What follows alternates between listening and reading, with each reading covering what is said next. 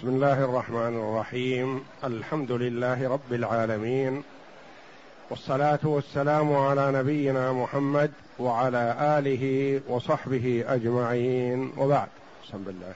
أعوذ بالله من الشيطان الرجيم. بسم الله الرحمن الرحيم. يستبشرون بنعمة من الله وفضل وأن الله لا يضيع أجر المؤمنين. الذين استجابوا لله والرسول من بعد ما أصابهم القرح للذين أحسنوا منهم واتقوا أجر عظيم. حسبك. هاتان الآيتان الكريمتان من سورة آل عمران. جاءتا بعد قوله جل وعلا ولا تحسبن الذين قتلوا في سبيل الله أمواتا بل أحياء عند ربهم يرزقون. فرحين بما آتاهم الله من فضله ويستبشرون بالذين لم يلحقوا بهم من خلفهم ويستبشرون بالذين لم يلحقوا بهم من خلفهم ألا خوف عليهم ولا هم يحزنون. يستبشرون بنعمة من الله وفضل وأن الله لا يضيع أجر المؤمنين. الآية.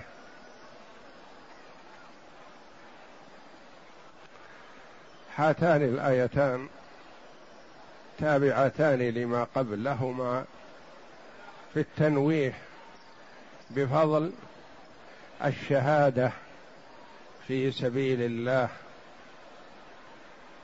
وأن الله جل وعلا وعد من استشهد في سبيله لإعلاء كلمة الله بالثواب العظيم والحياة المستمرة كما قال تعالى ولا تحسبن الذين قتلوا في سبيل الله أمواتا بل أحياء بل أحياء عند ربهم يرزقون. يعني يرزقون يأكلون ويشربون ويتنعمون في في الجنة. فرحين بما آتاهم الله من فضله ويستبشرون بالذين لم يلحقوا بهم. يتباشرون ويبشر بعضهم بعضا بأن فلانا سيلحقكم. فلان لأنه سيأتيهم كما تقدم أن فلانا يقدم عليكم يوم كذا وكذا. فيستبشرون بهذا ويفرحون. ثم قال جل وعلا يستبشرون بنعمة من الله وفضل. ففيه استبشاران. الآية الأولى فرحين بما آتاهم الله من فضله ويستبشرون بالذين لم يلحقوا بهم. وقال في هذه الآية يستبشرون بنعمة من الله وفضل. الاستبشار الأول بمقدم من سيقدم عليهم. وأنه سينال من الفضل والتنعيم مثل ما نالوا. فكانوا يفرحون بهذا. والاستبشار الثاني بما أعطاهم الله جل وعلا ويستبشرون بنعمة من الله وفضل هذا بما فضلوا به هم. الأول بما جاد الله جل وعلا به على غيرهم ممن سيلحقهم. وهذا في من فيما أنعم الله جل وعلا به عليهم هم. يستبشرون بنعمة من الله وفضل. بنعمة من الله وفضل. ثواب عظيم من الله جل وعلا. يعطيهم مقابل أعمالهم وفضل وزيادة. والله جل وعلا يضاعف الحسنات ولا يضاعف السيئات. وأفضل النفقة هي النفقة في سبيل الله جل وعلا لإعلاء كلمة الله. كما قال الله جل وعلا مثل الذين ينفقون أموالهم في سبيل الله كمثل حبة أنبتت سبع سنابل في كل سنبلة مئة حبة. والله يضاعف لمن يشاء. أكثر من هذا. يستبشرون بنعمة من الله وفضل. وأن الله لا يضيع أجر المؤمنين وإن الله لا يضيع أجر المؤمنين. بفتح الهمزة وكسرها. وهذه للمؤمنين عامة. صدر الآية استبشار الشهداء بما أعطاهم الله جل وعلا. ثم إن الله جل وعلا جرت سنته فيما إذا ذكر ثواب النبيين ذكر ثواب المؤمنين وإذا ذكر ثواب المحسنين ذكر ثواب من دونهم وإذا ذكر ثواب الشهداء ذكر ثواب عامة المؤمنين وإذا ذكر ثواب المؤمنين ذكر بعده عقاب الظالمين الكافرين. وإذا ذكر عقاب الظالمين الكافرين ذكر بعده ثواب المؤمنين الصالحين. ليكون المرء على بصيرة العاقل. هؤلاء وهؤلاء. وأنت في دار المهلة والعمل. فانتبه لنفسك. انتبه لنفسك. فريقان لا ثالث لهما. فريق في الجنة وفريق في السعير. والعاقل يدرك هذا وبإمكانه العمل والتضرع إلى الله جل وعلا بالتوفيق والسداد. يعني يضرع إلى الله جل وعلا وإذا علم الله جل وعلا من عبده الصدق والإخلاص فيما طلب أعطاه جل وعلا ذلك. وكما جاء في الحديث من سأل الشهادة خالصا من قلبه أورثه الله منازل الشهداء وإن مات على فراشه. إذا كان صادق وعازم على أنه إذا تيسر له الجهاد في سبيل الله أنه يتقدم ويبذل نفسه وماله. فالله جل وعلا يعطيه منازل الشهداء وإن مات على فراشه. لأنه نوى النية الحسنة والنية الحسنة الطيبة تبلغ مبلغ العمل وأكثر. لأن المرء قد يبلغ قد يعمل العمل العظيم لكن لا ثواب له لأنه ما عنده نية ما عنده إخلاص. وقد ينوي الإخلاص والصدق مع الله جل وعلا ولا يتيسر له العمل فيعطى ثواب العمل وإن لم يعمله كما قال عليه الصلاة والسلام إن أقواما بالمدينة ما سرتم مسيرا ولا قطعتم واديا إلا وهم معكم. حبسهم العذر. شركوكم في الأجر. معكم مثلكم. لما سار صلى الله عليه وسلم إلى تبوك في وقت العسرة والشدة والحاجة والحر الشديد من الصحابة رضي الله عنهم من لم يستطع أن يسير مع النبي صلى الله عليه وسلم وهو حريص على ذلك فأخبر النبي صلى الله عليه وسلم الصحابة بأن أناسا في المدينة ما سرتم مسيرا إلا وهم معكم. يعني مثلكم في الأجر حبسهم العذر. فالله جل وعلا بين ثواب الشهداء الذين هم شهداء حقا. والشهادة كما بينها النبي صلى الله عليه وسلم لما سئل عليه الصلاة والسلام الرجل يقاتل شجاعة ويقاتل حمية ويقاتل رياء أي ذلك في سبيل الله؟ قال عليه الصلاة والسلام من قاتل لتكون كلمة الله هي العليا فهو في سبيل الله. من قاتل لعصبية أو ليظهر شجاعته أو حمية على قومه أو نحو ذلك ما ليس له ثواب. يستبشرون بنعمة من الله وفضل وأن الله لا يضيع أجر المؤمنين. الفتح فتح الهمزة يكون معطوف. يستبشرون بهذا ويستبشرون بأن الله لا يضيع أجر المؤمنين. يستبشرون بنعمة من الله وفضل وأن الله يكون معطوف على ما قبله والكسر الهمزة للاستئناف.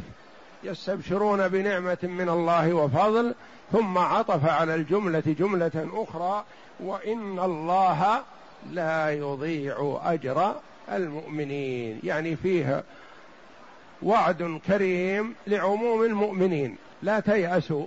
من لم تتيسره الشهادة فهو موعود مع الإيمان الثواب العظيم. وإن الله لا يضيع أجر المؤمنين. المؤمنين يعني الإيمان التصديق الجازم وليس مجاراة الناس في العمل ومماشاتهم. ويمشي مثل ما يمشي بنو جنسه مثلا أو مجتمعه أو يقول ما يصلح في المجتمع إلا هكذا. هذا لا ثواب له لأنه ليس عن إيمان. والله جل وعلا لا يضيع عنده ثواب عامل. إذا عمل الإنسان عملا يتعدى نفعه. فالله جل وعلا لا يضيع حتى وإن كان كافر. إلا أن الكافر والمنافق يعجل له ثوابه في الدنيا.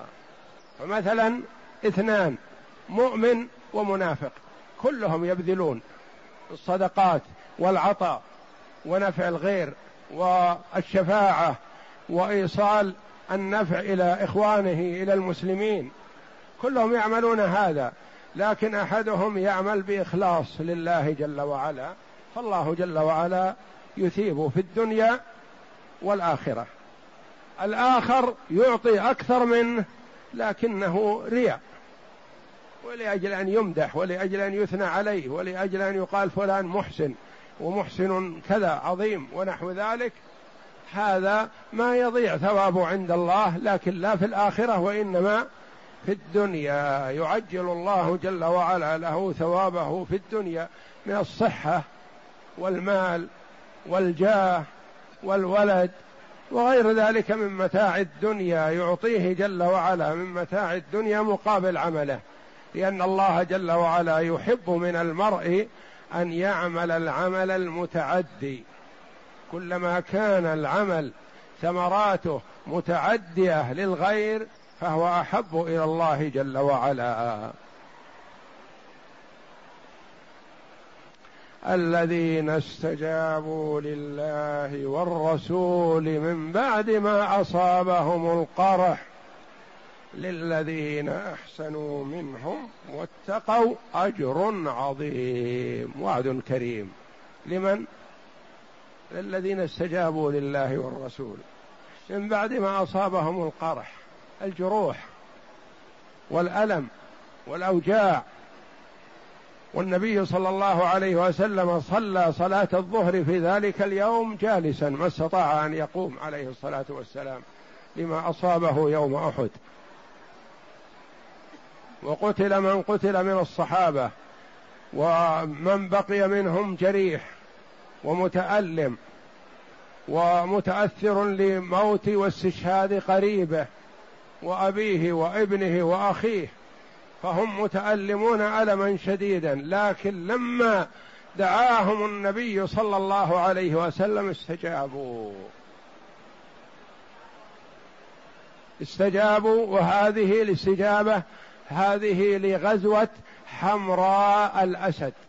مرت علينا قريبا في السيرة النبوية. غزوة حمراء الأسد هذه بعد أحد مباشرة. النبي صلى الله عليه وسلم لما انتهت معركة أحد رجع إلى المدينة. عليه الصلاة والسلام. والصحابة جرحى ومتألمون وثقال. لكنه عليه الصلاة والسلام أدرك بثاقب عقله وإدراكه وسياسته أنه محتمل أن أبا سفيان ومن معه من كفار قريش يتذاكرون ويرجعون للمدينة. لأنهم قتلوا من قتلوا من الصحابة رضي الله عنهم. وجرحوا من جرحوا وممن جرح النبي صلى الله عليه وسلم شج في رأسه وكسرت رباعيته ودخلت حلقة المغفر في وجنته عليه الصلاة والسلام. وتألم ألما شديدا. ثم إن الله جل وعلا أنهى المعركة فانسحب أبو سفيان ومن معه. والنبي صلى الله عليه وسلم دخل إلى المدينة ومعه الصحابة. ففكر عليه الصلاة والسلام بأن كفار قريش إذا تذاكروا فإنهم سيرجعون. وفعلا لما ساروا متجهين إلى مكة ونزلوا بعد قرابة ستة وثلاثين ميل. جلسوا يتذاكرون. فقال بعضهم لبعض لا محمدا قتلتم ولا الكواعب أردفتم وما عملتم شيء تمكنتم منهم وتركتموهم. فارجعوا إليهم واستأصلوهم. ما بقي منهم إلا جريح وكليم فارجعوا إليهم فعزموا على الرجوع. وهو ما فكر فيه النبي صلى الله عليه وسلم. فندب صلى الله عليه وسلم الصحابة للخروج معه لملاقاتهم. وقال عليه الصلاة والسلام لا يخرج معنا إلا من حضر موقفنا أمس. وقعه أحد. لا يحضر إلا من حضر أحد. فقال له عبد الله بن أبي بن سلول رأس المنافقين الذي انسحب بثلاثمائة من العسكر أمس؟ قال أصحبك؟ قال لا عليه الصلاة والسلام. ولم يصحبهم ممن لم يحضر أحد إلا جابر بن عبد الله رضي الله عنه وأرضاه.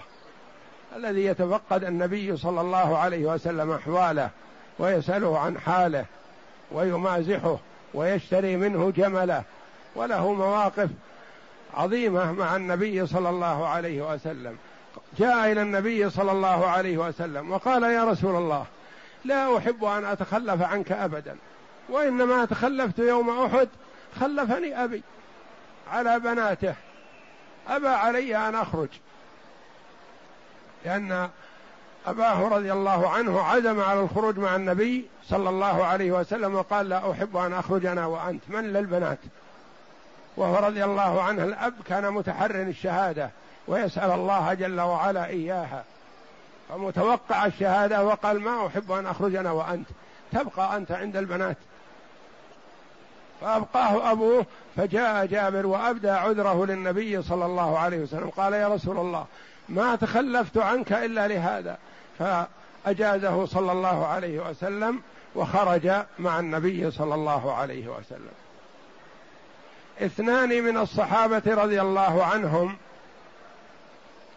كانوا جرحى. يقول أحدهم كان كانت جراحي أخف من أخي. فلما سمعنا منادي رسول الله صلى الله عليه وسلم قلت لأخي ما نحب أن نتخلف عن رسول الله صلى الله عليه وسلم. الرسول ينادي للجهاد هلم. وما عندنا شيء نركبه. فسرنا. فكنت أنشط منه قليلا فإذا تعب حملته. عقبة. يحمله على كتفيه رضي الله عنه. يحمل أخاه. وهم يروحون تشجيع للنبي صلى الله عليه وسلم واستجابة لندائه رضي الله عنهم وأرضاهم. قلوب طيبة مؤمنة. خاب وخسر من تعرضهم أو سبهم أو نال منهم رضي الله عنهم. قوم اختارهم الله جل وعلا لصحبة نبيه فهم خير الأمة بل هم خير القرون كما قال صلى الله عليه وسلم. من آدم إلى أن يرث الله الأرض ومن عليها يقول عليه الصلاة والسلام خير القرون قرني خير القرون. لا خير الأمة. قال خير القرون في بعض ألفاظ الحديث. خير القرون قرني. يعني من آدم إلى أن يرث الله الأرض ومن عليها خير القرون هم صحابة رسول الله صلى الله عليه وسلم. يقول فكنت أحمله. ما يستطيع يمشي. وما معهم شيء يركبونه. فساروا. فخرجوا مع النبي صلى الله عليه وسلم. وهم جراح ومرهقون وقلة مال وقلة مركوب لكن استجابة لله ولرسوله. فخرجوا. أبو سفيان مع صحبه يتذاكرون يرجعون يريدون يرجعون للقضاء على المدينة ومن فيها. فهيأ الله معبد ابن أبي معبد الخزاعي من خزاعة. قيل مسلم أسلم وأخفى إسلامه وقيل لم يسلم بعد لكنه ينصح للنبي صلى الله عليه وسلم لأن خزاعة مع النبي صلى الله عليه وسلم ومع بني هاشم في صلح الحديبية دخلوا مع النبي صلى الله عليه وسلم مسلمهم وكافرهم فهم عيبة نصح للنبي صلى الله عليه وسلم. جاء معبد بن أبي معبد الخزاعي وقال يا محمد ساءنا ما حصل عليك ونود لو أن الله عافاك مما حصل. فمرني بما شئت ما هو الشيء الذي أستطيع أن أعمله؟ فقال عليه الصلاة والسلام خذل عنا. ما يستطيع إلا هذا لأنه نفر واحد.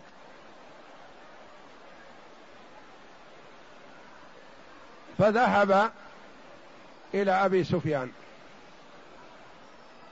وأبو سفيان يعرفه ومعه كفار قريش وهم عازمون على التوجه إلى المدينة. فقال ما وراءك يا معبد؟ لما وصل إلى أبي سفيان ما وراءك؟ قال ورائي محمد. ومن تخلف عنه بالأمس واجتمع معه جيش عظيم. وهم حنقى عليكم ويتمنون لقاءكم للقضاء عليكم.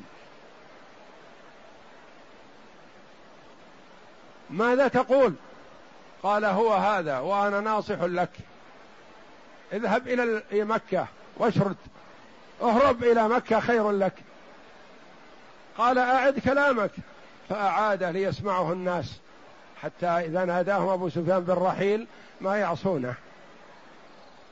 وأظن أنك لن تبرح هذا الوادي حتى ترى الخيل مقبلة. وهم واجتمع معه جمع كثير لا قبل لكم به. فإن قبلت نصحي فاذهب إلى مكة. فتشاور أبو سفيان مع صحبه وكان هناك مشير في الأول ألا يستجيبوا ولا يرجعوا صفوان بن أمية. يقول ما أرى أن ترجعوا إلى محمد لأنكم انتصرتم وإذا رجعتم فما أدري ماذا تكون العاقبة. أخشى أن يكون الضرر عليكم هذه المرة. آه، الحرب سجال مرة لكم ومرة عليكم. فأنتم ظفرتم من محمد وقتلتم من قتلتم وجرحتم من جرحتم فما أرى أن تعودوا إليه مرة أخرى. وكان معبد معزز لهذا الرأي. فنادى أبو سفيان بالرحيل. ثم إنه مر به نعيم بن مسعود الثقفي بأبي سفيان وقال ماذا تريد؟ قال أريد المدينة. قال هل أنت مبلغ عني محمد؟ وإذا لقيتني أعطيتك عشر من الإبل. قال من يكفلك؟ قال يكفلني صفوان بن أمية أو سهيل بن عمرو. فكفلوه. فقال ماذا أقول لمحمد؟ قال قل لمحمد موعدكم العام القادم. ونحن الآن نتجهز وسنعود إليكم حتى لعله يرجع. لأنه أصبح الآن أبو سفيان يتمنى رجوع النبي صلى الله عليه وسلم إلى المدينة بسبب كلمة معبد.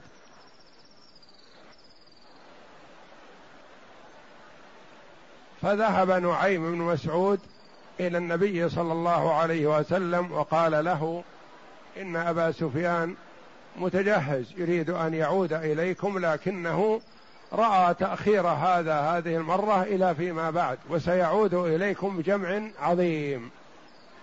فقال النبي صلى الله عليه وسلم والصحابة رضي الله عنهم ما قاله الله جل وعلا في كتابه في الدرس القادم إن شاء الله الذين قال لهم الناس إن الناس قد جمعوا لكم فاخشوهم فزادهم إيمانا وقالوا حسبنا الله ونعم الوكيل.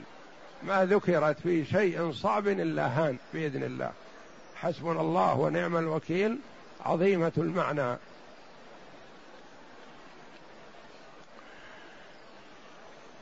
فالنبي صلى الله عليه وسلم ومن معه من الصحابة عسكروا في حمراء الأسد تبعد عن المدينة ثمانية أميال يعني قريبة من المدينة. وأبو سفيان بينه وبين المدينة ستة وثلاثون ميل. ورجع من مكانه إلى مكة خاب وخسر ولم يعزم على التوجه إلى المدينة. وكان توقع النبي صلى الله عليه وسلم في محله فهو عليه الصلاة والسلام خاف من رجوعه وفعلا تذاكروا كادوا أن يرجعوا. ولو رجعوا وجدوا النبي صلى الله عليه وسلم والصحابة رضي الله عنهم جرحى لا قبل لهم بقتال. لكن الله جل وعلا هيأ لهم من أمره ما هو خير لهم ومجيء معبد هذا الخزاعي وتثبيطه لأن الرجل الواحد قد يثبط الجيش العظيم بخلاف ما إذا حمل السلاح فهو قد فرد لكن بالتثبيط يثبط الجيش العظيم ويخذله بإذن الله. قال جل وعلا الذين استجابوا لله والرسول من بعد ما أصابهم القرح. أصابهم القرح الجراح العظيمة وبعضهم عدم القدرة على المشي كما تقدم هذا الصحابي الذي كان أخوه يحمله رضي الله عنهم.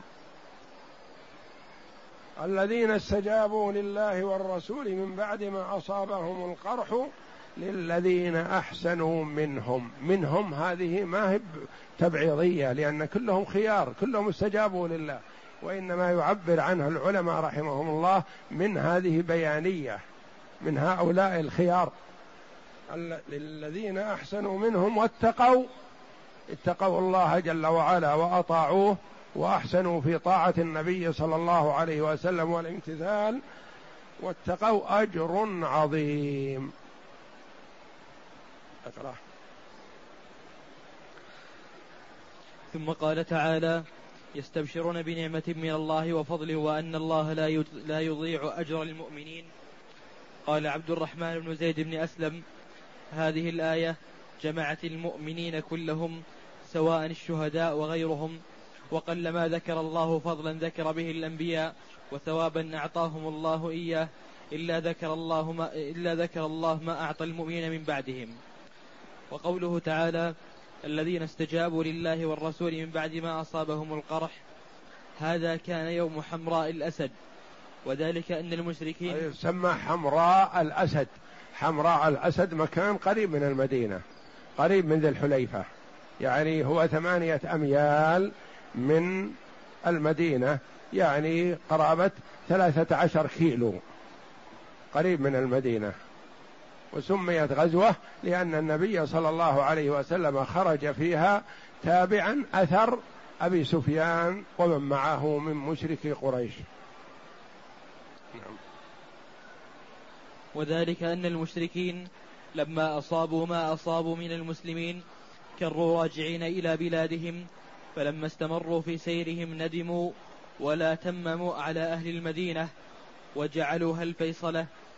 فلما بلغ ذلك رسول من قولهم لا محمدا قتلتم ولا الكواعب أردفتم.